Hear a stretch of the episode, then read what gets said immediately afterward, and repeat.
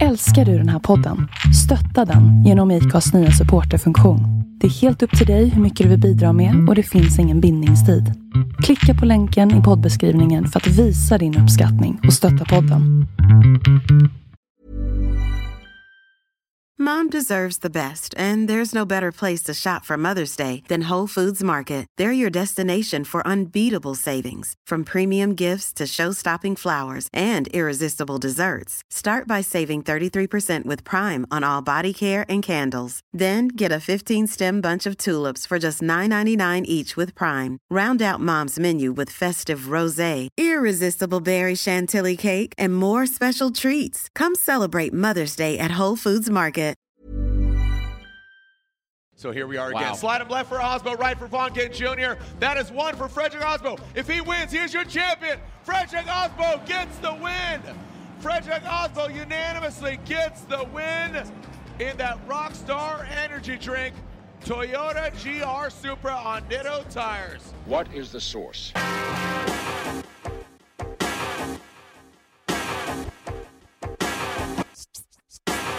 One, two, three, set it!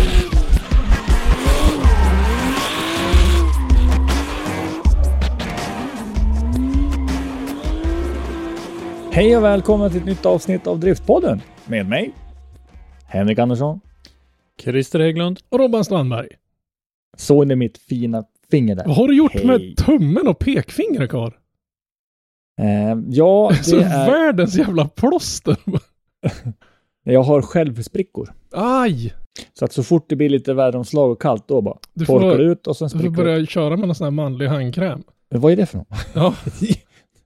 Jag man- brukar faktiskt ha det, men jag brukar lägga handkräm under plåstret. Ah. Och sen plåstret för att det ska liksom hålla på. Då. Så får jag hålla på fram till eh, april Usch. ungefär. Nej, Kyla är fan ingen höjdare eller? Ja, nej, nej, nej. Fast det är mycket bättre. När jag var yngre så var jag mycket uppe i fjällen. Och då hade jag inte riktigt så här. Även då när jag började få självsprickor och åkte upp till fjällen. Det är the oldness. Det är det hälsosamt och stärkande i fjällen vet du väl? Ja. Ja.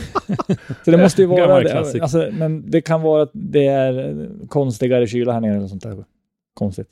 Här nere säger jag, i Allting Mellansverige. är, allting är ju konstigare is nere på kontinenten. Men vi kom, vi kom väl fram till det att vi, vi gjorde, eller jag åtminstone, gjorde en sån här geografisk bedömning. Jag och Christer, vi bor mitt i Sverige. Så allting som är ovanför oss, det är norrut. Och allting som är Ja. söder om oss, det är söderut. Så oavsett i vilket väderstreck du åker där nere där du är, så åker du söderut. Och jag är ju extremt mycket snett söder istället för de som är nere i Skåne. Precis. Våran danske reporter Oskar till exempel.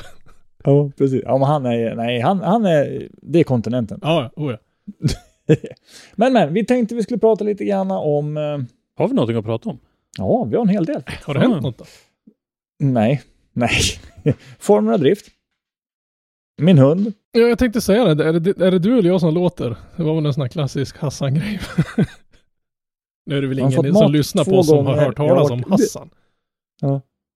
Jag har varit ut med henne två gånger. Hon har fått mat två gånger. Fortfarande ska hon gå.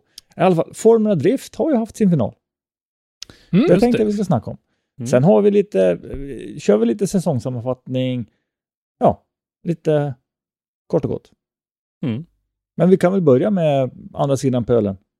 Det där. And Forsberg gets the win. Ja, han gjorde ju tack och lov inte det, för då har jag ju...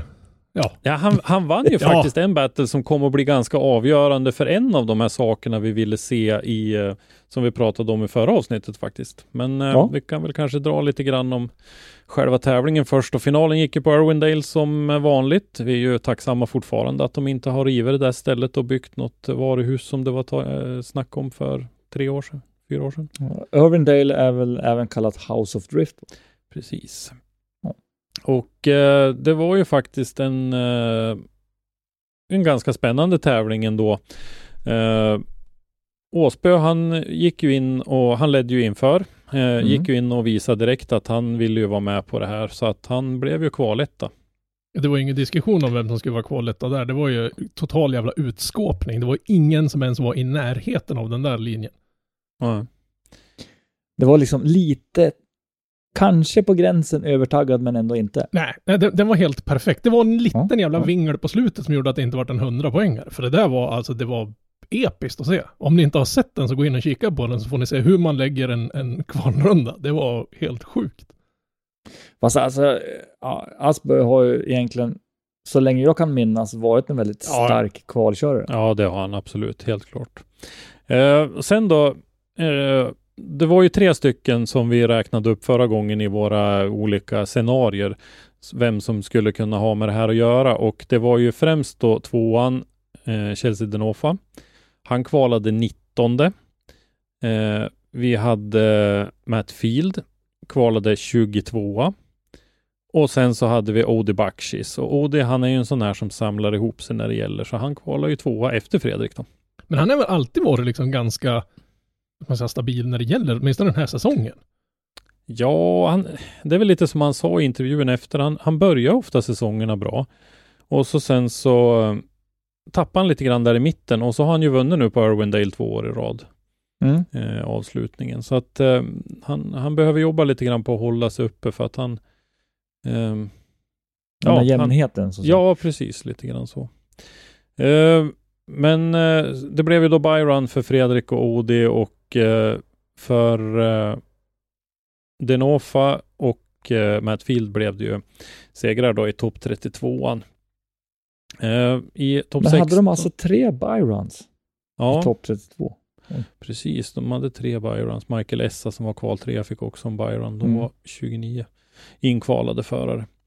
Eh, Åsberg fick möta Jonathan Hurst i eh, sin topp 16 där han gick vidare från och sen då så tyckte jag, när vi snackade lite off mic här innan så tyckte jag att eh, Fredrik hade ju faktiskt lite tur ändå med eh, sin eh, med, med lottning, eller vad man ska säga, inte Jo, lottningen. jo, det, men det, var, för- det var liksom hans kväll, om man säger. Ja, men det var lite. Han, han hade faktiskt stolpe in också för att eh, Jo, de jo. kvalade dåligt eh, och så eh, hamnade de på andra sidan stegen då, hans huvudkombatanter. Alla tre hans. Ja, jag vet inte Som- vad de höll på med i, i, kvalet. Det var liksom Nej, inte men- alls det man hade förväntat sig. Nej, men precis. Och Odi Bakshis, Chelsea Denova och Matt Field var alla tre på andra sidan. Vilket innebar ju det att skulle han få möta någon av dem som utmanade honom riktigt rejält då, så skulle det ju inte ske förrän i finalen. Eh, nu hade han ju dessutom då lite flyt med att han fick möta Ryan Turk i topp 8 och jag, jag ska inte beskylla Ryan Turk för någonting, men jag tror väl inte att han slog dubbelknut på sitt eget eh, sin egen lekamen för att, för att slå ut sin teamkompis ur mästerskaps... Nej. fast, fast han höll ju inte igen så det var så här uh, inactive chase-varning. Eller att han, Nej, han det- gav ju hundbenet, men han ville, ju- man såg att han ville ju inte vara med och liksom råka förstöra något. Eller? Nej. Men sen tror jag, alltså någonstans, de kanske inte själva tänker på det, men någonstans i bakhuvudet tror jag säkert det spelar in. att man åker det- mot sin team, teamkompis och sen så, alltså, han eh, har chans för att vinna. Jag har bara chans att avancera kanske någon plats. Ja men precis. Mm. Men har har det varit en annan sak om, om båda förarna har liksom haft en realistisk chans till, Ja, till mästerskapet eller ja. Mm. någonting i den stilen. Då har, det, har vi ju sett en helt annan körning. Ja, Men sen ja, Turk ja, har väl inte varit den stabilaste föraren den här säsongen heller. Men hur mycket Nej. har inte han åkt ifrån planen Mm. så att säga. Det är väl han och Adam LC har väl haft oflyt deluxe den här säsongen. Ja. Nej, Men då kan vi att, eh, döpa om Ryan. Ryan Skämsplattan Turk. Ja, inte det långt Mm. ifrån det. Ja. Eh, men eh, en viktig grej då var ju i topp 32an faktiskt, som vi också ska komma ihåg och uppmärksamma lite grann. Det var ju att Chris Forsberg slog faktiskt ut Brandon, Brandon Sor- Sorensen, Mm. som vi ju pratade om var ju huvudutmanare eh, till Simon Olsen om årets rookie-titeln. Mm. Mm. Medan då Simon slog ut eh, Daijiro Yoshihara. Ja. En eh, kval 7 Yoshihara, Simon kval 26 Men Simon tog hem den. Eh, vilket Det är då- bra gjort det. Ja, det är riktigt bra gjort. Eh, jag tänkte, vi återkommer lite grann till, eh, prata lite mera om, om Simon längre fram här, men För eh, Yoshihara är ingen, alltså det är ingen lätt kille att möta. Nej, det är det absolut inte. Men eh, det blev ju så då i alla fall att Denofa och Field fick ju möta varandra i topp 8. Så där möttes ju de två huvudkombatanterna och där gick Field vidare. Ehm, så att eh, på ena sidan då i topp fyra så hade vi Fredrik och Von Gitten Jr, fjolårsmästaren. Och så hade vi Odi Bakshis och Matt Field. Så att av de här fyra som var involverade i, i toppstriden då så var tre med i topp fyra. Var det inte så att i topp 16 så var väl Denofa den som fick köra mest bil? Han och Essa fick, fick väl, jag vet inte, det var väl, var det två one more times där? Ja, okej. Okay. Ja. Det, det kändes jag, har inte sett alla bättre. Nej, det, det kändes nästan, ett tag där tänkte jag bara, nej, ska det här vara en sån här, ja men Denofa ligger så bra till så han måste vidare hur vi än Ja. bär oss åt. Men det var, de var nog befogade de där one more times. Alltså det här kommer låta väldigt konstigt och jag har inte blivit, det är ingen som pekar några skjutvapen mot mig men, men den, den här tävlingen, jag har inte mycket att gnälla på. Det var faktiskt en var ganska, bra. ganska okej tävling. Det var inga så här jätteunderliga domslut och sådana saker. Och det var Nej. inte bara jag som, ja, annars brukar ju den här lilla Facebook-chatten eller YouTube-chatten explodera ganska rejält, men det var inte Mm. speciellt många som hade någon här funderingar över Nej. konstiga domslut. Nej, det är bra. Eh, det blev ju då i alla fall så att Fredrik slog ut eh, Von Gitten Jr. Så, och så mötte ju då Odi och Matt Field och där gick Odi vidare. Så att det blev ju Fredrik och Odi Bakshis i finalen och eh, eh, Matt Field tog ju då hem, nej förlåt, Von Gitten Jr. tog ju då hem eh, tredjeplatsen på, på kvalplaceringen. Mm. Mm. Och eh, Odi vann ju finalen så att eh, Fredrik blev tvåa, men i och med att han då hade alla sina, eller alla, men de här två huvudkonkurrenterna bakom sig och Odi, Odi hade ju behövt betydligt större avstånd till Fredrik än att bara slå honom i finalen för att ha en, en rimlig chans. Så att, eh, Det var eh, väl liksom klart redan vid, vid när Aspa körde mot Gittin att nu, nu är det Ja. klappat klart. Ja. Och så. Jajamän. Jo, och det såg man ju. Han satt ju där i bilen och då kom ju tårarna faktiskt Ja. också. Vi, vi, eh, vi ska komma tillbaka till lite varför jag tror att det var så. Men eh, eh, så Fredrik tog hem mästerskapet. Ett jättestort grattis. Jättebra kört eh, i år igen. Ja, det har Field- varit, var ett starkt år för Aspen. Ja, det har det varit, helt klart. Matt Field klev förbi eh, och blev två. 31 poäng efter då innan det var färdigt. Ode Bakshis eh, klev förbi eh, och blev trea. Och Chelsea Denofar åkte ner från andra plats till fjärde här i sista deltävlingen. Och fjolsmästaren då, Von Gitten Jr. femma. Alltså en 94 dålig poäng. tävling och det, det kan det kan ge en Ja. hel del. Alltså. Jajamän. Men speciellt, det har ju varit ganska jämnt i toppen så att säga i år. Ja, Mm. Det har inte varit någon total utklassning och liksom, man måste ju verkligen ha legat på topp för att komma någon Jo. vart. Jag tycker de här första fem här, eh, Gitten tog ju kapp lite grann nu då. Sen, sen börjar det bli, eller kanske sex förare och sen börjar det bli en 169 poäng i skillnad Mm. och sådär från sjuan. Men eh, Von Gitten Jr femma och Ryan Turk sexa då. Så att eh, det var, nej, men jag tycker det har varit en, en, en ganska bra säsong ändå. Det känns bra att det har varit en mer normal säsong än vad det var förra året. För förra året var vi ju lite tveksamma. Det var ju det här avsaknaden av kval bland annat. Det var ju ett väldigt speciellt år förra året på många sätt. Men Det var, om vi Ja, jag har fortfarande inte fattat det där kvalförfarandet. jag tror inte någon har gjort det. det. Jag tror det där var bara ett sätt för att rädda namnet på, på serien så att säga. För den, den, Ja. kunde, den hade inte råd att försvinna en säsong, utan de var tvungna att göra en nödlösning. Och det var säkert så mycket kontrakt skrivet och grejer med, med Mm. reklampengar hit och dit och sådana saker som de säkert redan hade spenderat en stor del av. ja, Så äh, vi får vara glada att det vart det det vart i år. Det vart ju så, eller i fjol, det var ju så kopiöst mycket bättre i år. mm, ja helt klart. Men eh, jag tänkte, ska vi titta tillbaka lite grann på Fredriks eh, säsonger i, i eh, Formula Drift sen han blev mästare förra gången. 2015 var det ju som han blev mästare första gången. Det här var ju andra nu då. Eh, och sen dess så har han ju alltså varit etta, tvåa, tvåa, tvåa, tvåa, fyra och så nu etta igen. Det är hyfsat. Det är ett ganska bra facit Och, det, alltså. och den där fyran, Det, det, kan det, man det väl är ett nästan facit till... som säger att eh, jag är i toppen. Ja men alltså Ja. den, den där fjärde placeringen han fick i fjol, den, den tror jag har väldigt mycket med att göra med att det var ny bil, det var mycket barnsjukdomar, det var mycket klater. Och det var någon där och sen så vet jag ju att det var ju någon jättekonstig battle mot, det var inte det Matt Field som han, eh, då när de möttes jättetidigt eftersom det inte var något riktigt kval. Mm. De hade aldrig mötts så där tidigt annars liksom. Men, eh, så det var, det var några få grejer som gjorde att han ramlade ner lite grann då. då. Men eh, annars då som sagt 2016 tvåa, 37 poäng efter Forsberg. Eh, 2017 då var han ju faktiskt då 113 poäng efter James Dean. Det var ju en ganska rejäl marginal mellan ettan Ja, och men tvåan. det, det var väl då när, när Dean i princip vann allt. Ja, han sopade ju ganska rent. Ja. då. Men året därpå, det var ju då det avgjordes eh, i sista battlen på Irwindale. Då, då var han ju bara fyra poäng efter Dean. Mm.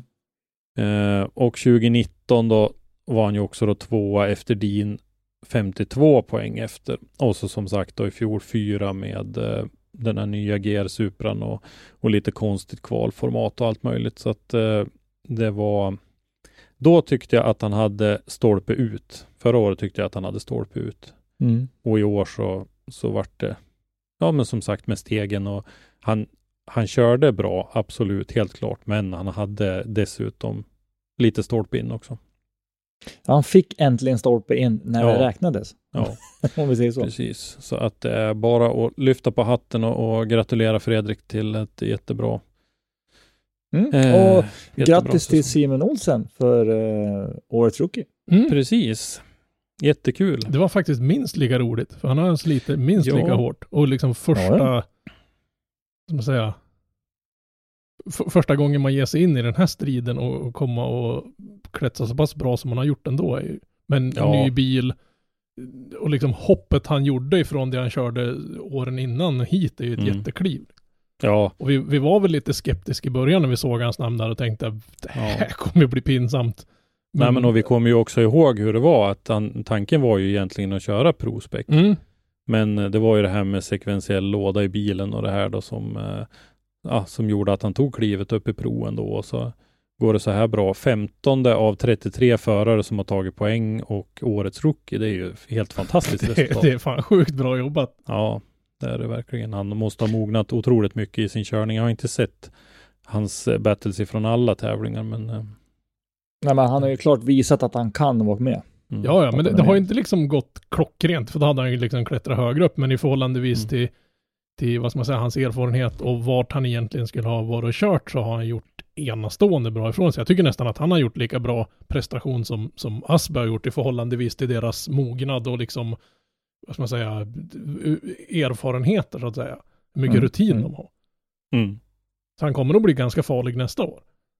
Ja, vi får väl se. Vi får väl hoppas eh, om och se om man får ihop en satsning till nästa år. Men, men det, jag kan inte tänka mig annat än att det är hans mål och hans plan åtminstone att få ihop en, en satsning till. Och vad vet man? Det, det är ju en del team som är utan förare nu och sådär så att vi Ja, det har ju se. spekulerats en del där nu när, jag såg Ja. på One Gitten Junior kommer ju att köra massa offroad och, och ägna sig åt eh, och, och driva RTR-företaget där ett tag. Så då var det ju många som skojar med när, när Adam LC hade lagt ut sin rigg till salu. Och de är ju lite tjenis och de umgick sig väldigt mycket i, i helgen som var. Och det var det mycket skoj om att kanske Adam LC ska ta över One Gittins bil och köra med. Men får mm. man väl se då. Ja, eh, alltså, alltså vi, vi kommer ju in nu i vad som populärt kallas för silly season. Mm, ja, de Mm. har ju åtminstone en silly season. Ja, Ja. och alltså det är... Jag, jag ser framför mig att Adam LC har säkert eh, avyttrat Mustangen från One Gittin. Jag, jag, jag tror, alltså, jag vet inte, jag, jag gick in och kollade på, på Twitter och där hade han ju slängt ur någon kommentar om att han älskar att röra upp skit och skapa eh, konspirationsteorier och så här, men det var, det, Ja, det var någon som hade lagt ut en ganska lång analys där. Och sen när man gick in och kollade, då är han en journalist som har skrivit väldigt mycket om Formula Drift i USA. Och alltså, hans analys där var inte helt... Det, han fick Mm. ingen mothugg från någon. För han har väl konstaterat att de umgås mycket och de liksom hjälper varandra att skruva och såna här saker och, och umgås Mm. på fritiden och han har väl provkört Gittens bil vid något tillfälle på någon sån här typ frikörningshelg, någon sån här klatschkickers grej och såna här saker. Så ja, Mm. Alltså får, får vi nu, ja vi får ju killgissa såklart, men alltså ja, ja, det här är på extremt hög nivå. eh, det kan ju faktiskt vara så att Ja, Von Gittin gick ju ut och sa att han kommer ju sluta. Men han har inte sagt att teamet ska dra sig Nej, tillbaka. nej, nej. precis. Han, han har Nej. bara sagt att han, Vaughn Gittin, ska ju sluta köra drifting Mm. I, i den här formen. Så det kan ju vara som du säger, att teamet kvarstår, men att de plockar in Adam LC som förare. Fast han har ju inte sagt att han ska sluta helt. Han har bara sagt att han ska Nej. ta ett avbrott. Ja. För han, Ja, vill, precis. han ville Ja. köra, han håller på att bygga massa Ford Broncos och grejer. Nu håller de på att bygga någon sån här extrem offroad för han ska väl köra Baja 500 och massa sådana här tävlingar med den då. Det har han hållit på med lite på sidan om och kört. Och lite Mm. andra eh, långdistanstävlingar och sådana här saker så. Nej, jag ser absolut ingen omöjlighet eh, att eh, vi har Chelsea Denofa och Adam LC som teamkompisar i RTR-teamet nästa år inte. Det vore lite ballt. Mm. Ja. För vi har ju heller inte fått någon info om att Ford till exempel skulle vara på väg bort. Nej, nu var det ju bara häromdagen så att eh, vi vet väl inte riktigt ännu, men vi, det återstår väl att se Mm. lite grann. Har vi Jag hört tror- något mer då? Jag tror att? Ford, om vi håller oss kvar lite ett ögonblick vid Ford där, så tror jag ju Ja. att eh, eh, deras mästerskapstecken förra året var väldigt viktigt för att de ska ha ett intresse av att fortsätta. Ja, Och, precis. och Ford Ja. har väl inte liksom släppt den här RTR-pucken heller, för RTR-modellerna kommer att börja säljas utav Ford-återförsäljare i Europa. Så Ja. det känns ju på något sätt som att Ford tänker fortfarande samarbeta med dem och sen om RTR fortsätter att köra driftingbilar, det, det är ju en helt annan sak. Mm. Om då, då, fin- då finns det ju ett läge för att utveckla och fortsätta med Ja. teamet. Nej, men min, min gissning när det gäller just det där, det är ju att RTR kommer att fortsätta i FD med Chelsea Denofa åtminstone och som sagt då kanske LC också. Och Det var ju Mm. lite spekulationer om Matt Field till exempel skulle släppa det han kör i och börja köra för dem, för han hänger ju lite med dem på fritiden också sådär, men det, jag vet inte om han Mm. kommer släppa det, det märke och de produkter han har byggt upp med sin bil så att säga för Nej, han är ju lite mer med Audi och det här med Mm. Falken-biten och det där så att Mm. eh, vi, Eh, en, en annan grej på silly är eldriftbilen. Tagning 2. Ja. De har fortfarande inte gett upp hoppet med att få den i en full säsong, utan de håller på med den också. mm. Och sist jag läste någonting om han så var det att de räknar kallt med att den kommer vara med snart. Men den Mm. kan nog röra upp rätt mycket skit. För jag menar, om du får den att funka, Mm. fatta vilken stabil grundplattform det blir. Alltså med den motorn och det, det, Mm. vad ska man säga, elbilars motorer, det är ju väldigt lite klater när det väl funkar. Ja, ja. Men och det, sen har du det också att, alltså, driftingen lär ju på något sätt vara en grym plattform för utveckling. Men även också då, för du har ju så korta runder. Mm. Mm, ja, ja, precis. Det Så du behöver ju- inte ha liksom batteriakt deluxe. Nej, precis. Nej, men det där är väl lite grann som Black Smoke Racing har, har fått erfara det här med att, att, att köra drifting med diesel. Jag vet inte hur många hundra mo- Merca-motorer han har gått igenom, men det är väl lite samma med det här. Du Hundra, ska, räcker det?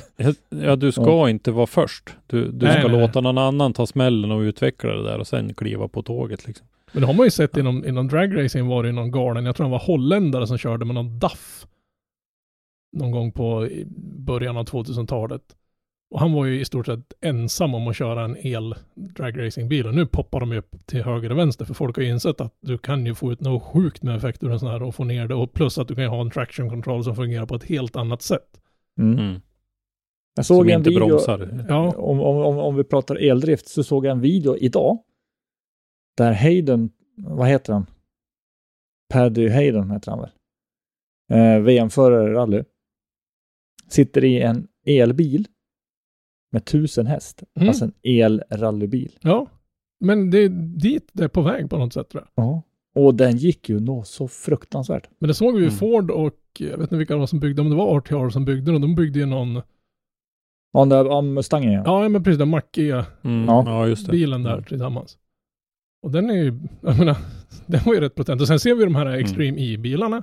är ju Ja. elbilar. Det är ju liksom, det, det skottar ju på rätt bra. Och Mm. de har ju inte några, några tusen plus hästars monster där, men de är väl mera byggd för att få stå pall för lite längre körningar och sådär. Men Mm. äh, vi kommer att hamna där så småningom.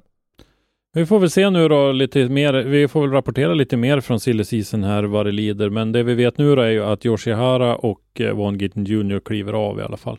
Mm. Eh, så får vi väl se sen vad det blir. Och Det skulle ju vara roligt att få tillbaka Piotr Wiesek eller James Dean kanske, men som jag ser det nu så ser jag inte att det kommer att hända till nästa år, men man vet aldrig. Nej, jag, jag tror mer så fall att, eh, vad säger Dean och Piotr, kanske om Piotr går in i RDS då, Mm. och Dean kör Demek och RDS då. Vi kliver nästan lite per automatik över på nästa programpunkt då. Om vi ska Ja. göra en liten säsongssammanfattning av, av de stora serierna, Formula Drift och DMEC och RDS till Ja. exempel. Va? Formula Drift har vi ju egentligen pratat det mesta om, men, men Ja. om, om, vi kan ju prata om upplägget då. Vad, vad tycker ni? Hur har Formula Drift i år varit? Det har väl varit som Formula Drift brukar vara. Ja, dalbana. klart bättre än förra året. Ja, ja. Men, eh, Jag tycker vi liksom Ja, stryker nästan 2020 på något sätt inom all form av, vi bara ignorerade det året. Vi hoppade Ja, från det var, 19 det till var 21. ju specialvarianter deluxe liksom. Eh, jag tycker Formula Drift, ja, ja, det var ju bättre än förra året, det var det. Men eh, jag vill se andra banor. Ja, Lite mer, alltså lite mer variation. Inte den där ovalbanan med jättebankningen och sen ner och sen två svängar liksom. Gärna lite utvecklande. Alltså Formula Drift är ju top of the line. Eh, och, men då måste man också utveckla sig. Så att man mm. håller den toppen. Mm. Och då tycker jag att då kan de nog ha lite svårare banor till grabbarna. Ja. Men då Större förväntas variation skapa- bland annat, Ja. framförallt. de är ju och kör på många banor där, där, där Indycaren och Supertrucks till exempel är och kör helgen innan. För jag vet inte om det var för några år sedan så var väl driftingen någon form av supportgrej till Indycar-cirkusen, så de körde under samma helg. Men, eh, och då körde de på lite, lite andra banor.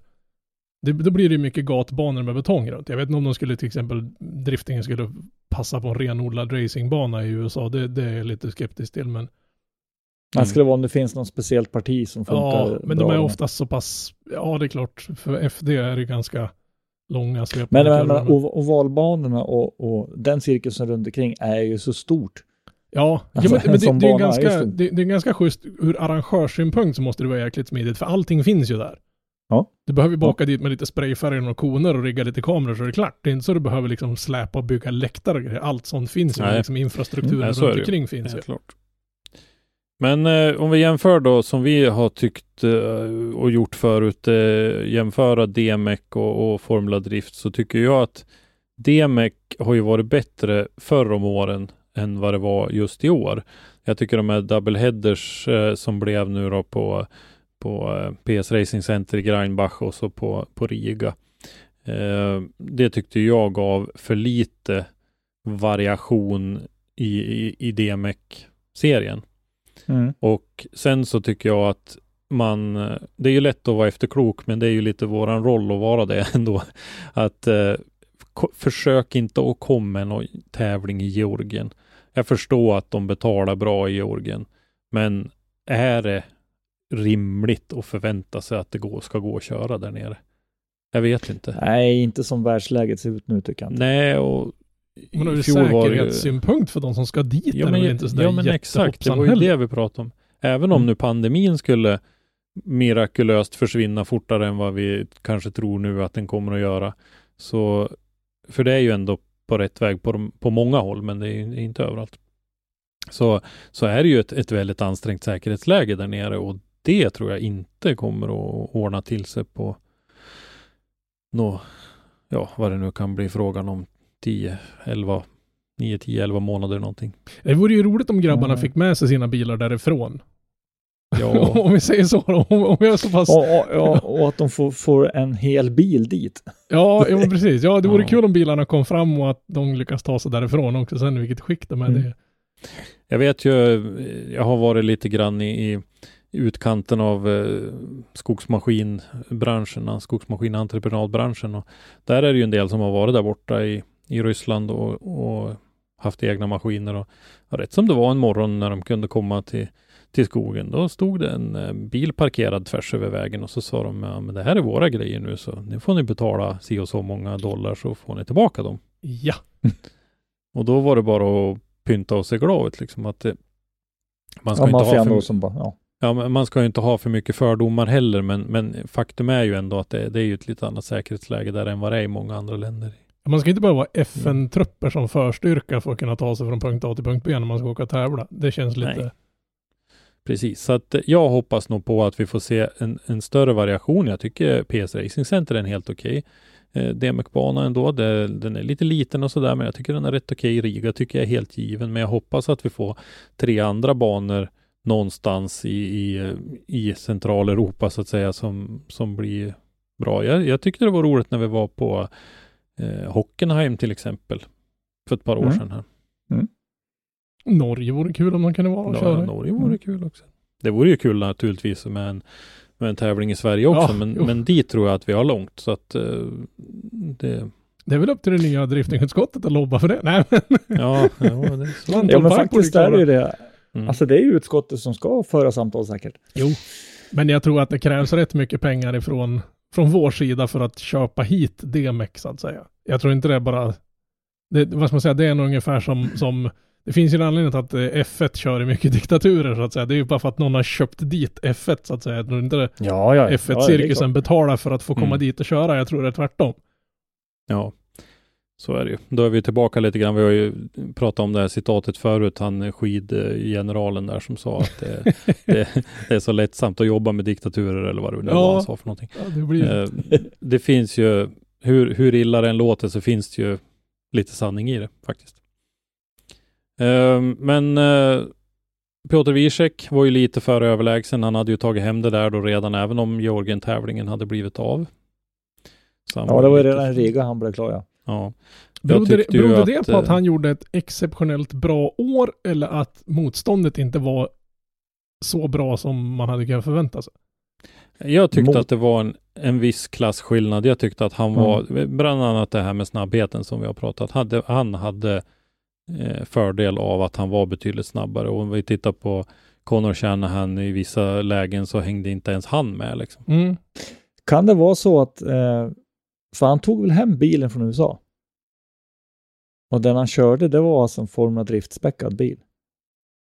Det Kan vara så att den kanske osagt, var men han, mer- men han har ju all, vad ska man säga, erfarenheten och veta vad som krävs för att få en, en bil att snurra på i FD. Så han har ju åtminstone tagit med sig den erfarenheten och skruvat ner Oh ja. det i Ja. den Mm, bilen han mm. körde med eh, här hemma om vi säger. Och jag tror helt enkelt att han, han skruvade för då Formula Drift Mm. och den farten. Och att den Mm. är så pass mycket högre då än DMX, kanske. Men sen var det ju lite grann med de här nya Valino-däcken då vi också pratat om tidigare, Mm. att han hade extremt breda och eh, greppiga däck och, och sådär och lyckas ju få ja, få ner all effekten i backen då kanske delvis tack vare det. Men eh, det Ja, var... men, för man, man såg ju i vi- vissa loppen att först hängde de på, sen såg man ungefär som att han tittade i backspegeln så nej, nu åker jag. Ja men det vart ju det.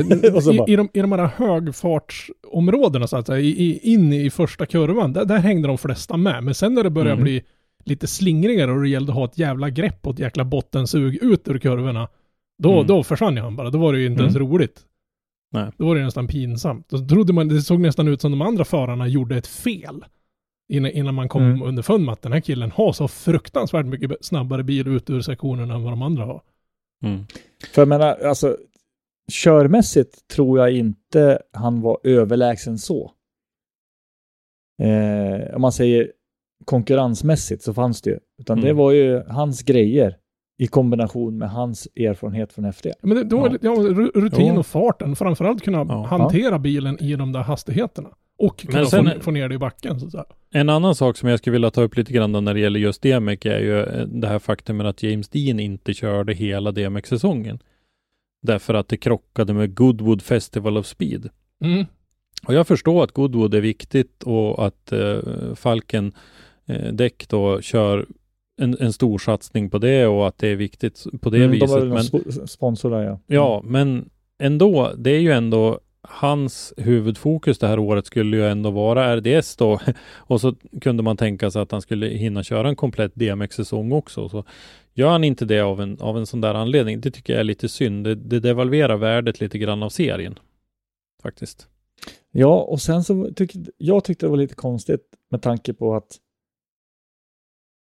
det var ju inga stora krockar mellan RDS och DMX. Jag tror inte det var någon krock alls. Nej, det var det inte för Jack körde ju bägge Ja. hel. Men, men man ska ha klart för det, Goodwood, vi har ingenting i Sverige som ens kan, kan Nej, ens komma det. i närheten och mäta Nej, jag förstår sig det. med, med Goodwood. Det, det är ungefär som OS. Men det är ändå allmänhetens fria Ja. åkning. Ja, ja. Det- Oh, ja, det- ja. det här är ett det, det, det, Europamästerskap. det är ungefär som att gå på, på någon sån här travuppvisning. Alltså det är inte ens en Mm. Travtävling i sig så att säga. Mm. Den är bara en stor PR och marknadsgrej. Ja. Men, men den, Ja, den, det... säga, den institutionen i England är Ja. så fruktansvärt stor så jag tror inte vi Ja. kommer någonsin att fatta hur... Nej, det är som en. SM-final i hockey nästan. Alltså det, det är Mm. på den nivån. Ja. Mm. Jag, jag är medveten om det, men jag tycker ändå att det är synd och, och det är klart att det ska undvikas att det, att det krockas så, men There's never been a faster or easier way to start your weight loss journey than with PlushCare. PlushCare accepts most insurance plans and gives you online access to board-certified physicians who can prescribe FDA-approved weight loss medications like Wigovi and Zepbound for those who qualify. Take charge of your health and speak with a board-certified physician about a weight loss plan that's right for you. Get started today at plushcare.com slash weight loss. That's plushcare.com slash weight loss. plushcare.com slash weight loss. Hey there, it's Michelle Norris. I'm host of a podcast called Your Mama's Kitchen. When I travel, I'm usually looking for a way to find a taste of home when I'm not at home. And one of the things I love to do when I am at home is entertain. And Airbnb allows me to do that. When I was in California recently, I rented a house that had a great kitchen. And when we were sitting around the table, we were all thinking, we're in someone else's house. Someone could be in all of our homes as well. If you have a home, but you're not always at home, you have an Airbnb. Your home might be worth more than you think. Find out how much at airbnb.com/slash host. nu, nu blev det så. Jag Men, men, men dropp, alltså droppa en hel säsong på grund Ja. av Goodwood. Ja, det, men speciellt dro- droppa han tävlingar så som han hade haft en möjlighet att kunna åka och köra på är Ja, lite men- skumt. Ja.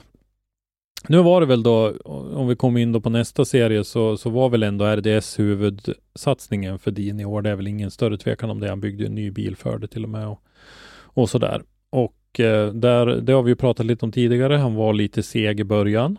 Hade lite svårt att komma in i det här nya. mm. Var väl våran analys av det. Men på slutet så har det ju gått riktigt bra. Så han lyftes ju riktigt bra på slutet här då. Men eh, att det var Jack Shanahan ändå som, som gick och blev mästare där då. Jättekul. Det tycker jag nästan är roligare än om Dean hade blivit mästare. Ja, ja. För på något sätt, Dean hade man på något sätt förväntat sig och han Ja. hade haft det, vad ska man säga, lätt för sig på något Jag vet inte, man- man, tar det på Mm. något sätt som självklart att han ska vinna och det är ärligt talat Ja. vart jag gladare av att säga känner han vinna ja. RDS än Dean. Ja. Jag tror faktiskt Dean eh, faktiskt kommer minnas det här året mer. Mm. Det var, han, han såg ju lika glad ut som han gör när han har vunnit en säsong. Mm. Och jag, jag tror ju genuint att Dean tyckte det var, han var minst lika glad för, för känner han som, som han Jo, varit om han själv jag hade tror- vunnit. Jag tror det var en kombination också. eh, en lite förlösande känsla också att det hade gått bättre för honom själv. Att han Mm. åtminstone vann en tävling till nu då på slutet. Här. Skulle han fortsätta satsningen i, i Ryssland nästa år i RDS så, så har han ju åtminstone en god känsla med sig in i nästa säsong. Mm. Från att han har avslutat den här på ett bra sätt. Så är det ju. Men eh, helt Sen- klart sen så är det- glad för Jack. Sen är det alltså på den här nivån. Eh, du sätter ju inte bara en bil i en helt ny serie i ett helt nytt land som kanske inte riktigt ser på driftingen på samma sätt Nej. och liksom bara blåser av, utan det gäller ju att anpassa det. Mm. Och Ja. bilen. Ja, så det. Men det är, vi eh, pratade lite grann om det förra veckan också, eller för två veckor sedan kanske, att eh, det ska bli kul att se vad eh, RDS hittar på till nästa år. Eh, om de kommer att fortsätta konkurrera, kommer de att bli en, en, en riktig konkurrent på allvar till DMX som, som lite ja, Europamästerskap då inom citattecken. Vi får väl se. Ja. Det, det, det krävs ju en hel del från deras sida för att nå ut till, till resten av världen så att säga. Ja, jo men vi har pratat livestream och lite sådana där grejer och, och bara hemsidan med eh, bokstäver som åtminstone går att läsa och, och sådär. Om, de, om det nu är deras mål att bli en, en internationellt etablerad serie så Mm. är det viktigt att eh, de här mediebitarna också fungerar. Eh, för, förresten, från det ena till det femte, vet, vet ni alltså vad, vad den där jävla Dennis Flink skriver? Nej. PRO-möte. Ja, ja. jag, jag, jag skickar en liten bild på vad vi håller på med i vår lilla interna grupp här. Då Ja. vart vi, det, ja, det är ju PRO-möte i, i Motorsportmagasinets regi. Ja, det är klart vi skulle haft med Falbe-Göran också.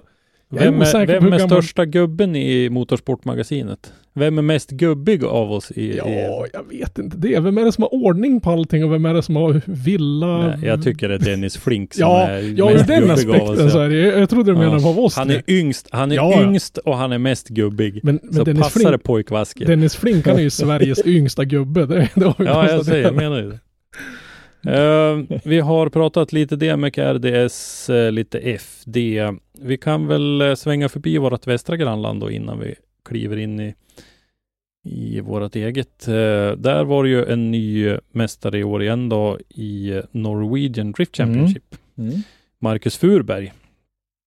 Jättekul tycker jag också. Marcus är ju en kille som har satsat seriöst. Hela familjen eh, satsar ju seriöst på det där. Jag har ju sett hans lillebror köra. Jag har sett både mamma och pappa djupt engagerade på, på tävlingar och sådär. Och eh, det är ju en, ja, en familj som, som satsar på, på Ja. grabbarnas driftingkarriärer här. En familjegrej helt enkelt. Ja, från Fröja ut i, en bit ut i Atlanten. Och eh, Marcus har ju varit duktig och, och haft mycket god potential och vi har ju sett honom i uh, Gatubil Drift Series lite grann och göra bra ifrån sig bland annat. Så att, eh, jättekul och eh, där var ju lite kända ansikten då i eh, eh, på pallen också med fjol, eh, mästaren för ett par år sedan. Ole Morten Davanger som var tvåa bland annat. Eh, och även eh, Odd Helge Hellstad var ju med i toppstriden där. Och när vi ändå Mm. pratar Norge och vi pratar Odd Helge så tycker jag faktiskt att vi kan nämna lite grann att eh, vi skickar ett helt fång med eh, virtuella blommor och tankar till Christer Halvorsen som har fungerat som eh, teamchef för eh, Odd Helges eh, satsning de senaste åren här. Christer har ju en, en gedigen driftingkarriär bakom Mm. sig själv. Han hade en eh, S15 i Gulf Livery bland annat som han körde i eh, Drift Allstars och lite. Och han har drabbats hårt av en eh, sjukdom, en eh, stroke och eh, kämpar för att komma tillbaka till livet. Jag har sett att han är på, på benen så pass att han sitter upp i sängen och så där i alla fall. Och, eh, man, eh, I Norge så är, pågår det faktiskt en insamling till eh, Christers familj för att han eh, har eh, eh företag och eh, en egenföretagare och har eh, mycket projekt på gång och så där som det nu då naturligtvis blev tvärstopp på. Så att, Och en egen företagare har ju inte direkt jättestort skyddsnät. Nej, så precis. illa. Så är det. Så vi skickar en tanke till eh, Christer och, och hans familj och hoppas på god bättring. Mm. Har vi hört några nyheter om nästa år för eh, NDC då? Eller NDS? Nej, NDC. Nej, det har vi faktiskt inte gjort. Eh, vi får ta ett litet snack med eh, dem, Ronny och eh, de andra i arrangörsgänget där så får vi Mm. se framöver. Ja, Sverige då? Ja, vi hade vår lilla, svens lilla svenska serie, både RM och SM. Mm. Men den gick från klarhet till klarhet hela säsongen tyckte jag. Mm.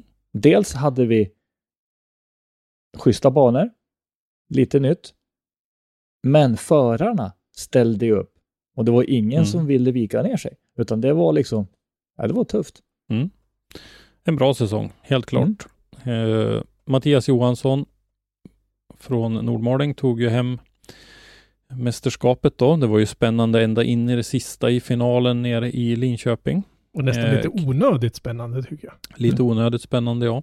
Hela Eh, vägen in i kaklet som Ja, nej, men alltså säger det, det där är inte bra för nerverna. Det, Nej, det är inte det, men det är, det är, det är, bra, det är bra för underhållning. Det är bra när det, när det inte är avgjort inför sista tävlingen. Mm. Så kul. Flera som sagt, flera nya banor, bra eh, arrangemang så där. Jättekul med den här stadsbanan på slutet och jag hoppas ju att vi får se eh, något liknande. Vi hade ju en genomgång av vad vi trodde om banor inför nästa år här i ett avsnitt för ett par veckor sedan. Så. som ni kan lyssna på om ni Mm. är intresserade av våra gubbgissningar när det gäller det. Ja, vi har gått ifrån killgissningar till gubbgissningar. Oh ja, oh ja, oh ja. Ja. Nej, och sen var det ju inte bara Mattias då, utan vi hade ju även en RM-mästare i Filip Josefsson. Mm. Slaka mustascher Filip, som eh, eh, tog hem det där innan det var klart. Jättekul det också. Eh, hans. Filip annonserade, väl- eller gick väl ut och sa att han siktar väl på att komma till SM nästa år. Ja, precis. Det tycker jag han gör alldeles rätt i. Mm. Det gör han helt klart och då lär ju Albert följa med också om, eh, för han gjorde så pass bra ifrån sig så jag tror inte att det är ett problem för Albert, eh, alltså teamkamraten då, att följa med upp. Vi hade eh, ett par killar till också som ju provkörde i eh, SM-finalen. Så eh, ja, bra kört av de grabbarna. Jag tyckte att vi hade en, en topp i RM som var bra. Eh, det var Mm. många bra battles. Vi, eh, inte riktigt alla som vi har sagt, men eh, sägs från topp 8 och så där så var det bra nivå. Och vi ser ju att en del satsar. Vi, vi ser ju eh, Robert Åhäll håller på att bygga en eh, BMW E92 har han gått ut med nu till exempel som ju körde Volvo 740 i RM här och eh, det är ju någon fler också. Filip Navrocki tror jag håller på att bygga en ny bil och det, det är några Men det, det är skönt att se att det liksom, det fylls på med Mm. nytt hela tiden och att de, de som blir bitna, de tar nästa steg ganska fort. Mm. Ja. Apropå eh, Åhäll förresten så måste man ju ändå göra en liten notering på att det var Odd Helge Helstad som köpte Åhälls 740. Ja, det var ett bevis på att han eh, byggde nog en rätt hyfsad kärra. Ja, men att gå från en S15 till, till en 740, vad, tänker han göra med den där? han har ju bytt upp sådär. Ja. Ja, Ja, ja alltså, alltså det plattformsbytet mm. eh, är ju inte det, logiskt. det är ett litet skumt hopp.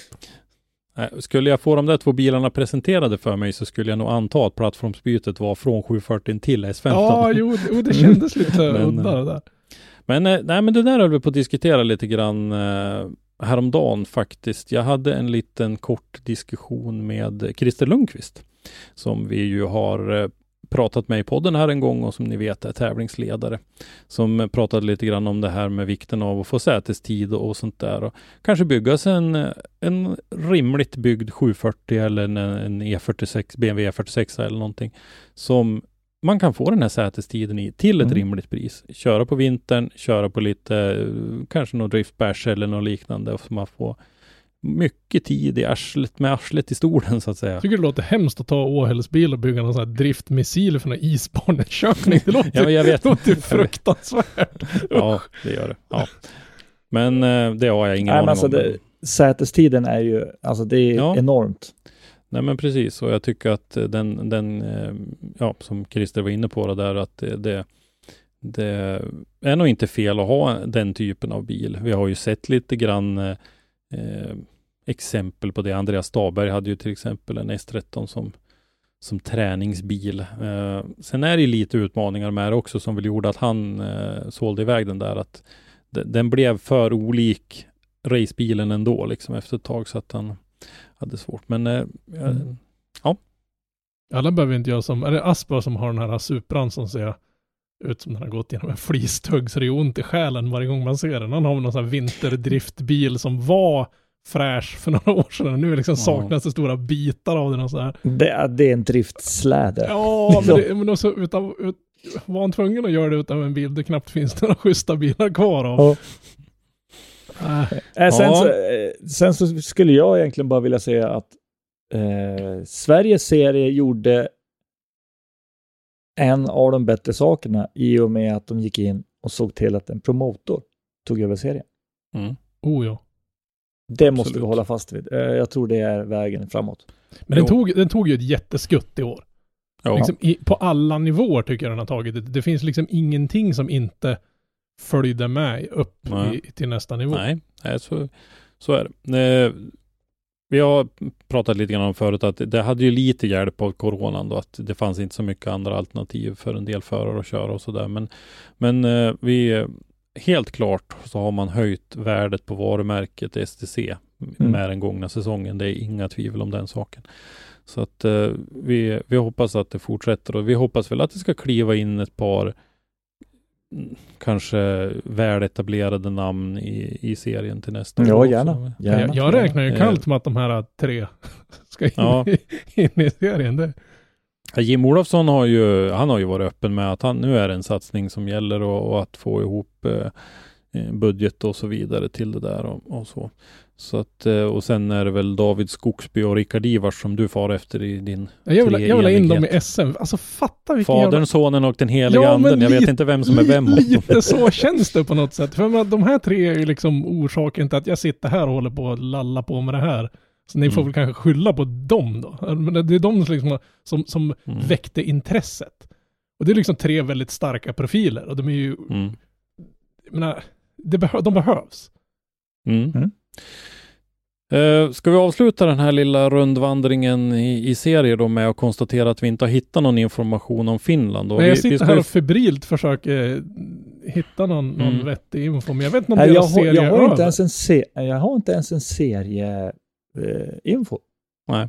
Vi ska ta tag i det där med Finland som sagt. Vi har ju en kontakt som vi ska eh, dra i lite grann och som vi ska prata med framöver här så att vi ska, vi ska bli bättre och, och dra in Finland också för att det finns ändå, tycker jag, ett värde i att titta på grannländerna som har ändå ganska liknande förutsättningar som vad vi har här och se, plocka godbitarna ur deras upplägg också. Jag säger bara en sak, Radalle 2022. Eh, i, i, inte att förknippa med någonting annat jag inte tänker säga, men Radalle är en stor typ gatubilliknande event med driftingtävling, oftast då drifting-SM i Finland Cool. Mm. under den helgen. Då. Ja. Eh, du, du ser, du ser en, en, en liten driftbil i sidan längst ner på affischen täckt utav några lite tjejer som står. Några lite tjejer. Några Ja. lite tjejer, precis. Är du lite tjej du va? Ja, Ja, Så jag, jag vet inte riktigt var, var de liksom vill, vill sälja ut. Är, det liksom lättklädda damer eller är det drifting? Ja, jag vet inte. Men vi kan väl konstatera att det var en himla tur att det inte var vi tre som var lättklädda på den där affischen i alla fall. ja, då hade det inte kommit någon kan jag säga. Vi måste verkligen ta oss i kragen. Ja, vi har ju en förbättring på gång där. Oh, Vi ja. har ju ändå en kontakt. Så att, Någonting jag ser väldigt fram emot, för jag tänkte faktiskt Ja. göra någon avstickare i, i sommar och åka över och, och kika på drifting i Finland. Tänkte ta med Mm. min, min fru som tolk beroende på vart vi hamnar i, i Finland. Mm. De brukar se snett på, på, på en när man kommer att prata svenska, beroende på vart man befinner sig där. Men nej, det ska Mm. bli jäkligt roligt faktiskt. Jag kikar lite på, på finsk drifting på, på nätet och den håller en jävligt hög nivå. Alltså det, så Mm. det... Hade vi haft ett nordiskt mästerskap i, i drifting, vet du, fan hur det skulle gå om jag ska vara riktigt ärlig. För menar, vi, ja, nej, men vi har ju haft ett antal som har visats i DMEC. Det såg vi ju nu bara. Det var ju inte bara de här riktigt eh, namnkunniga förarna som eh, gjorde bra ifrån sig, utan det var ju en hel del annat. Det var ju inte bara Python-laxen och eh, han som körde Formula Drift förut som jag nu tappade namnet på. Och de verkar ha jävligt schysst livery och det ser ut att vara Ja. jäkligt schyssta välbyggda bilar och sådana här saker där. Så det ska bli jäkligt roligt Mm. att åka över och kika.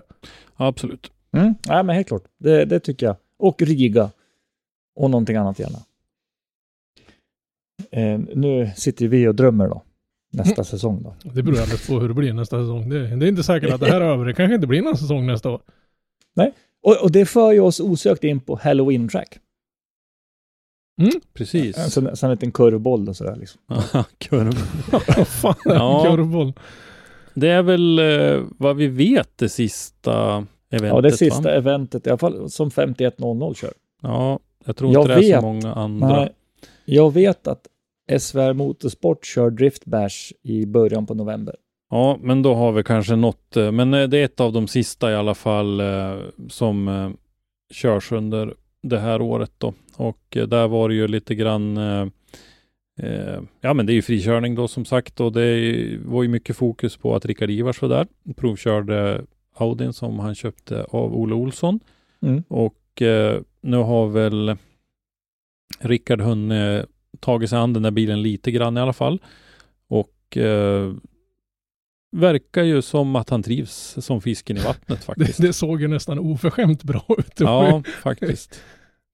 Eh, han eh, säger själv att han är normalt sett när han har köpt eller, eller gjort färdig en, en bil så där så kommer alltid en lista med grejer som han vill börja och ändra på. Men han ska vara försiktig med det och, och köra med den som den ser ut i det här utförandet nu då. Så åtminstone framöver här. Det är inte den motorstarkaste bilen han har haft sen, men eh, har... Den eh, är, den är ju så läcker alltså. Men det verkar ju som att det, det, det, de, de, han snålade ju inte när han byggde bilen, Olle. Mm, Så det kan ju vara så att det är lättare att liksom sätta sig in i en bil som är så pass bra som den här är. mm. Nu vill jag inte påstå att Ivars tidigare bilar var en jävla hoprat som man, som, som man inte vet vad man håller på med, utan, utan det har ju alltid varit liksom en liten budgetfråga där också, att, att vissa chassin kanske inte blir lika bra. Den här, har det här har ju varit förutsättningslöst. Det, här har ju, det går ju nästan inte att bygga ihop något bättre än de här, än, än till exempel HGK-bilar och sådana saker. Det är på den nivån det här är, så att säga. Men eh, ett bra kvitto är att när Ivars tar på sig storpjäxan och kör, då vet man att då trivs han. Ja, det, det såg ju lite ut som att, ja men det, det jag sa, den där föraren och den där bilen är som, de ihop så blir det här fan farligt. Mm. Så nu vill vi se det i SM. Ja, precis. Eh, apropå SM, då hade vi Kevin Brunberg på plats. Kevin har kört eh, en del nu på slutet här. Eh, Alex Hjeltén hade vi också där. Eh, Alex är en sån där som vi vill se komma tillbaka till tävlingsdriftingen igen. Har ju en eh, fin Supra. Eh, Alexander Broström körde RM S13. Mikael Johansson var ju den som gjorde upp med Mattias Johansson om SM-tecknet. Eh, Diana Blomqvist i Drift Family var ju där. Mm. Eh, Andreas Wilsén kör ju sin nya S15 då. Eh, verkar ju ha fått lite snurr på den. Eh, Pontus Karlsson har vi pratat mycket om senaste tiden här, var där och körde Mm. också. Han har inte ledsnat än. Tim Lindström, också RM-förare. Så med flera, med flera naturligtvis, men eh, det var ett litet axplock av dem som var där på. Jag tycker att eh, 5100 har gjort en bra säsong. Igen. Mantorp Park och 5100 är ju synonymt med tillsammans. Alltså händer saker på Mantorp så är ju 5100 med där på något sätt och hjälper till. Mm. Precis. Ja, det var väl det vi hade att säga om Halloween on Track kanske. Sen hade vi en frikörning på Raceway. Precis. Som tur är En- så har vi ju En en, av eh, våra mer södra banor. Ja, precis. Vi har ju en medarbetare där nere så att vi hade ju tur och fick dit honom då. Oskar Malmlund. Fick han inresetillstånd till, till, till Till? Skåneland. Till Sverige så han fick åka. Ja. Eh, vi, eh, ja, och där på Sturup tyckte jag väl att det såg ut ungefär som vanligt. Eh, på ett positivt sätt. Vi, hade ju ett, vi har ju ett gäng förare som hänger mycket där nere och som eh, kör riktigt bra. Ja. Eh, Oskar Bengtsson, Kalle Törnblad, några av dem, Patrik Färemo, Tim Persson. Eh, bland andra. Eh, Daniel Lavman, eh, sin E30. Paul Boye. Och så Ja. sen då de här livsstilsdriftgrabbarna Alexander Perk och eh, Viktor Bogdan till exempel i vad heter det? Oak Tree Outlaws kallar de så. Ja, precis. Mm. Mm. Så eh, Ja, men alltså, Sturup är en... Alltså det är en bra bana för drifting också. ja, Du har två bra slingor. Jag menar, Det är det.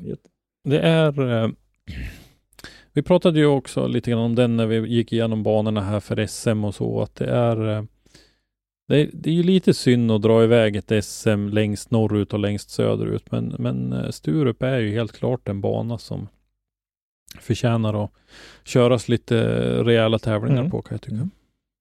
Ja, eh, sen hade vi ju faktiskt en grej till också där 59 North Wheels eh, arrangerade en liten grej, en, en eh, ska man säga, kalla det för en träningsdag eller vad det var på eh, På just Ja. på Mal Malmö. ja. Ja, precis på Malmö. Och Där, Just det. vad heter han, SVK var där och brände lite däck med Johanssons bil. Va? Precis. Eh, Life of SVK. Linus Brostedt heter han va? Tror jag. Mm. Han var ju Mm. där då och eh, han är ju en bilfantast och provkörde ju då bland annat Victor Joensus eh, E92. Eh, Det sen- lilla monstret. Ja, får jag säga. Eh, och eh, det var ju en, eh, en hel del andra förare där också då som har kört under säsongen på eh, ja, på 1500 North eh, fälgar och eh, på Det var liksom en liten sån här, vad ska man säga, Vad spons, sponsordag nästan kan man väl säga. Ja men precis. Eh, Secnova Ja. heter väl däcken va? Mm. Men det var lite som Motornord hade ju någon sån där eh, historia här uppe på Mittsverigebanan också, någon sån här Motornord-dag. Jag vet inte om det vart någon av någon sån i år. Nej, jag tror inte Jag är det. osäker. Nu håller ju de Så på att att- flytta då, så det kan vara det som tar Ja, deras såg tid. det. Så.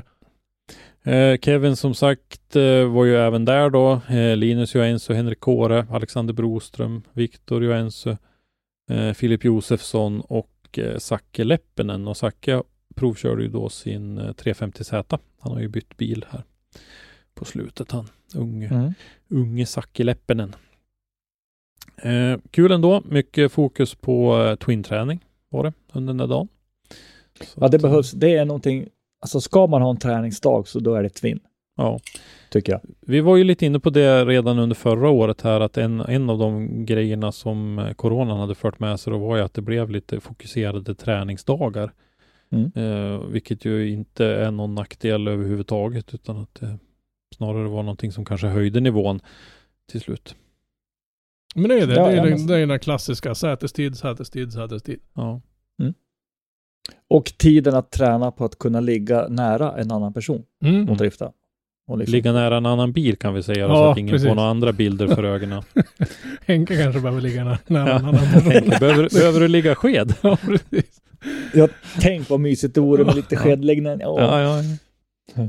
Ja, Ja. vi säger väl så. Ligga nära Vill ni ha en bil. kontakt med Henrik? Om ni är dam och vill ha kontakt med Henrik så får ni ta kontakt med Robban eller mig först så får vi screena och Ja, se, vad, se vad det är för någonting. Ja, Men det är väl inga fler eh, grejer på G nu i år? Alltså Nej. vad vi har sett.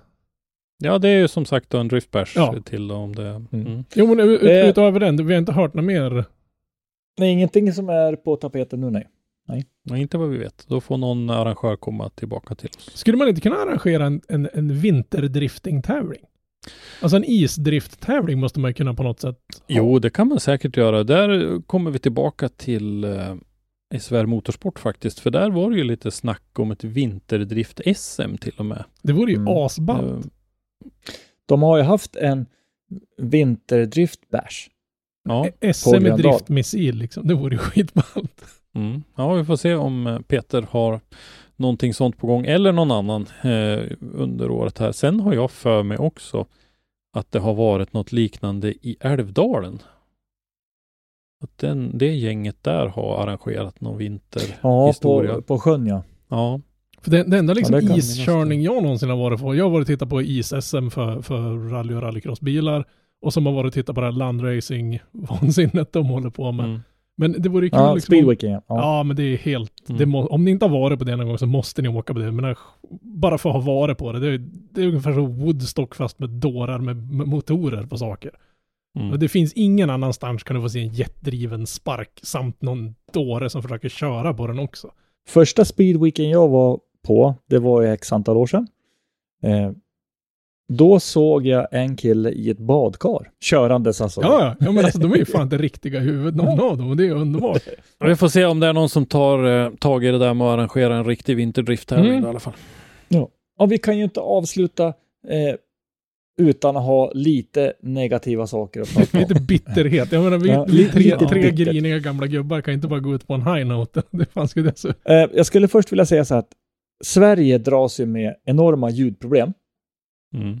där driftingen är för högljudd, tycker jag. Ja, all motorsport egentligen, men just driftingen då. Men det är inte bara Sverige som har problem med det här. Eh, globalt. Det är nog alla länder. Ja, utom diktaturen. Ja, utan dem, för där bestämmer ju en. Men i alla fall, Drift Games har gått ut och sagt att på grund av eh, för många noise complaints eh, så slutar man med sina frikörningsdagar. Alltså, Precis. enskilda, ja, enskilda frikörningsdagar på eh, veckodagar kommer man att sluta med. Mm. Och där det är dels så är det det här med ljudklagomål då, plus att man har svårt att få ekonomi i det också. Och eh, man säger ju då att man ska eh, försöka fortsätta med de här Drift Games Bash Events eh, när man eh, har mycket fler förare och man har publik under en helg då och då kan man eh, få lite bättre ekonomi i det och generellt så är det eh, lägre, mindre, mindre antal eh, klagomål på ljudet Mm. under eh, en, en sån helg då. Än vad det. Och eh, förare i, på Irland har ju kämpat med att försöka göra bilarna Ja, ja, att låta mindre, men det Ja. har inte varit nog. Då. Nej, men äh, man, man har ju kommit till den nivån att nu är motorer och, och avgaser så att säga så pass tysta de bara kan bli och nu är det ju däcken Ja. kvar och det kan vi ju nästan Ja. inte göra någonting åt. Nej, det är ju, och det är ju ofta på de här lägre nivåerna faktiskt som det är lite mer Mm. problem med, med däckskriket. När vi kommer upp med, får upp lite högre hjulhastigheter, när vi kommer upp i semipro och pro, eh, om vi tar svenska motsvarigheter då, så, så är det oftast inte ett jättestort problem. Ja men det märker Eh. man när man har varit på någon sån här frikörning och såna grejer. Det är Ja. när, när de stora grabbarna kör, då behöver man inte ha någon hörselskydd. Och när det är de som håller på att lära sig drifta, då, då alltså, det spelar ingen roll vad du har för hörselskydd. Det bara Nej. skjuter i hela huvudet på. Mm. Ja, men däckskrik ligger väl över 120 decibel va? Ja, det gör Jag det. vet inte vart det ligger någonstans, men det må ju vara 130 plus vissa gånger. Ja. Men, för- men har du, jag kan inte påminna mig att, ja det är när det är på väg att gå åt helsike, när de slår stopp på allting. Jo, men då är det ju bara någon Då kort liten, då är det någon Ja. sekund eller två. Då är det inte liksom 30 sekunders kontinuerligt busvisslande på en decimeters från dina trumhinnor. Eller? Ja, det är inte en enhjulsbörnande Nej. liksom. Alltså, jag vet inte vad man ska behöva göra för att kunna ro bot på det här. Det är liksom så här spola vatten på så det är blött eller någonting sånt här för att få ner liksom friktions... Ja, fast då tar du ju bort det här med röken och det vill Jo, jo, men det, bör- när du ska träna Ja. på frikörningen, när du ska lära dig, det är inte röken, det är inte rök. Det är inte Ja, röka är- saker ja, du ska blött. lära dig, utan då är det liksom hålla linje och sådana saker. Och då, Blött är ju det mest ekonomiska. mm, Ja, det såg vi som, som, som Jönsson sa att eh, under hans tävling han hade där så, så var det liksom, att man säger, regnet var ju på något sätt, en, det dåliga vädret var en välsignelse för att de skulle Mm. få så mycket körning som de fick. Vad, vad tror ni? Tror ni vi kommer dras emot eh, totalt stopp eller att det kommer successivt glida över på el? Mm, ja, jag är inte så säker på att det hjälper som sagt. Nej, el kommer eh, att låta lika mycket det, tror jag. Mm. Så, Ja, fast, men, fast ja, om du inte får så pass kraftfull så att du... Jo, men samtidigt kan du justera på ett helt annat sätt med en elbil. Så jag tror ärligt talat, i och med att elbilarna, om de gör ett större intåg, så tror jag ärligt talat att där har det så kopiöst mycket mer vrid, så du kan köra på lägre varv och fortfarande Mm. liksom... Jag tror att ljudnivån, problemet kommer att bli det största bekymret vi har. Inom, Ja, det inom är sporten. däckskrike. Ja. Ja. jag tror att däcktjutandet kommer att vara det som är. Och man Men kan sam- inte liksom minska friktionen, för då är det ju sämre grepp Nej. och då sjunker ju hastigheten och det är inte dit vi är på väg. men samtidigt så vill jag ju också påpeka att förarna har ju ändå sitt ansvar att se till att bilarnas, eh, och, Ja, alltså att eh, motorljudet är på, på den nivån som är rimligt för, för och det påminner vi också om då, att det är ju reglerna på respektive bana som gäller. Det finns ingenting i, i reglementet utan där är det respektive bana som, som gäller. Är det hockey eller fotboll får du låta hur mycket du vill, men är det motorsport då bara nej. Nej, men motorsporten kommer ju aldrig bli så att säga finrummet.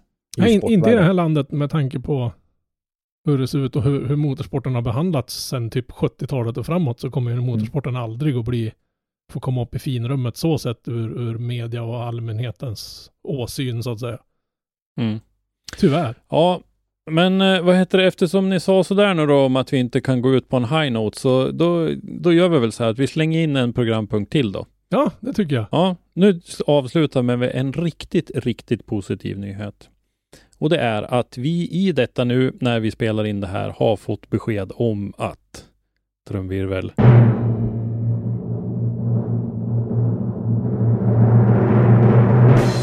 Lidköping har fått sitt tillstånd till banan. Fy Nu fan vad har det gått igenom. Grund.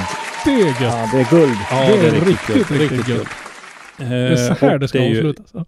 Jättekul för klubben och det är Daniel Dalle Karlsson som meddelar oss här. Och Daniel känner ju de flesta till. Han är ju en del av driftingutskottet, här, eller driftingsektionen eller vad ska man säga i Vara Motorklubb.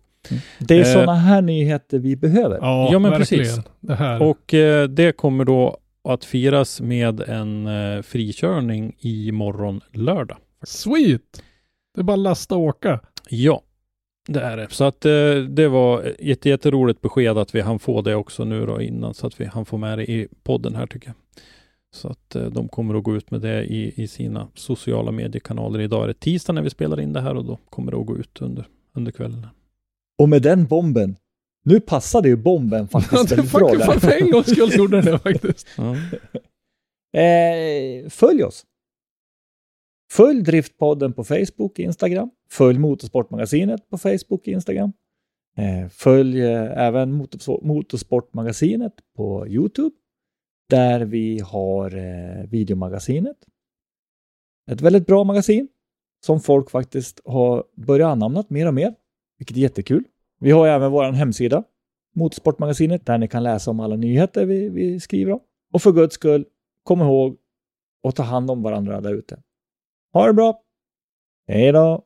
Hej då!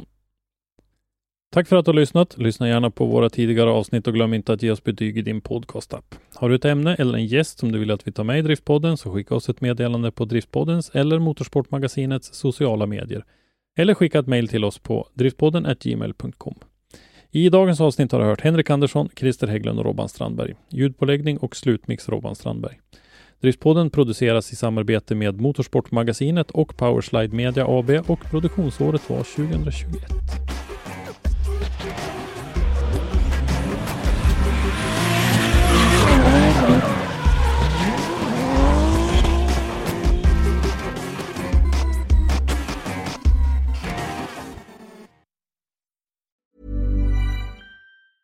Mom deserves the best, and there's no better place to shop for Mother's Day than Whole Foods Market. They're your destination for unbeatable savings, from premium gifts to show-stopping flowers and irresistible desserts. Start by saving 33% with Prime on all body care and candles. Then get a 15-stem bunch of tulips for just $9.99 each with Prime. Round out Mom's menu with festive rosé, irresistible berry chantilly cake, and more special treats. Come celebrate Mother's Day at Whole Foods Market.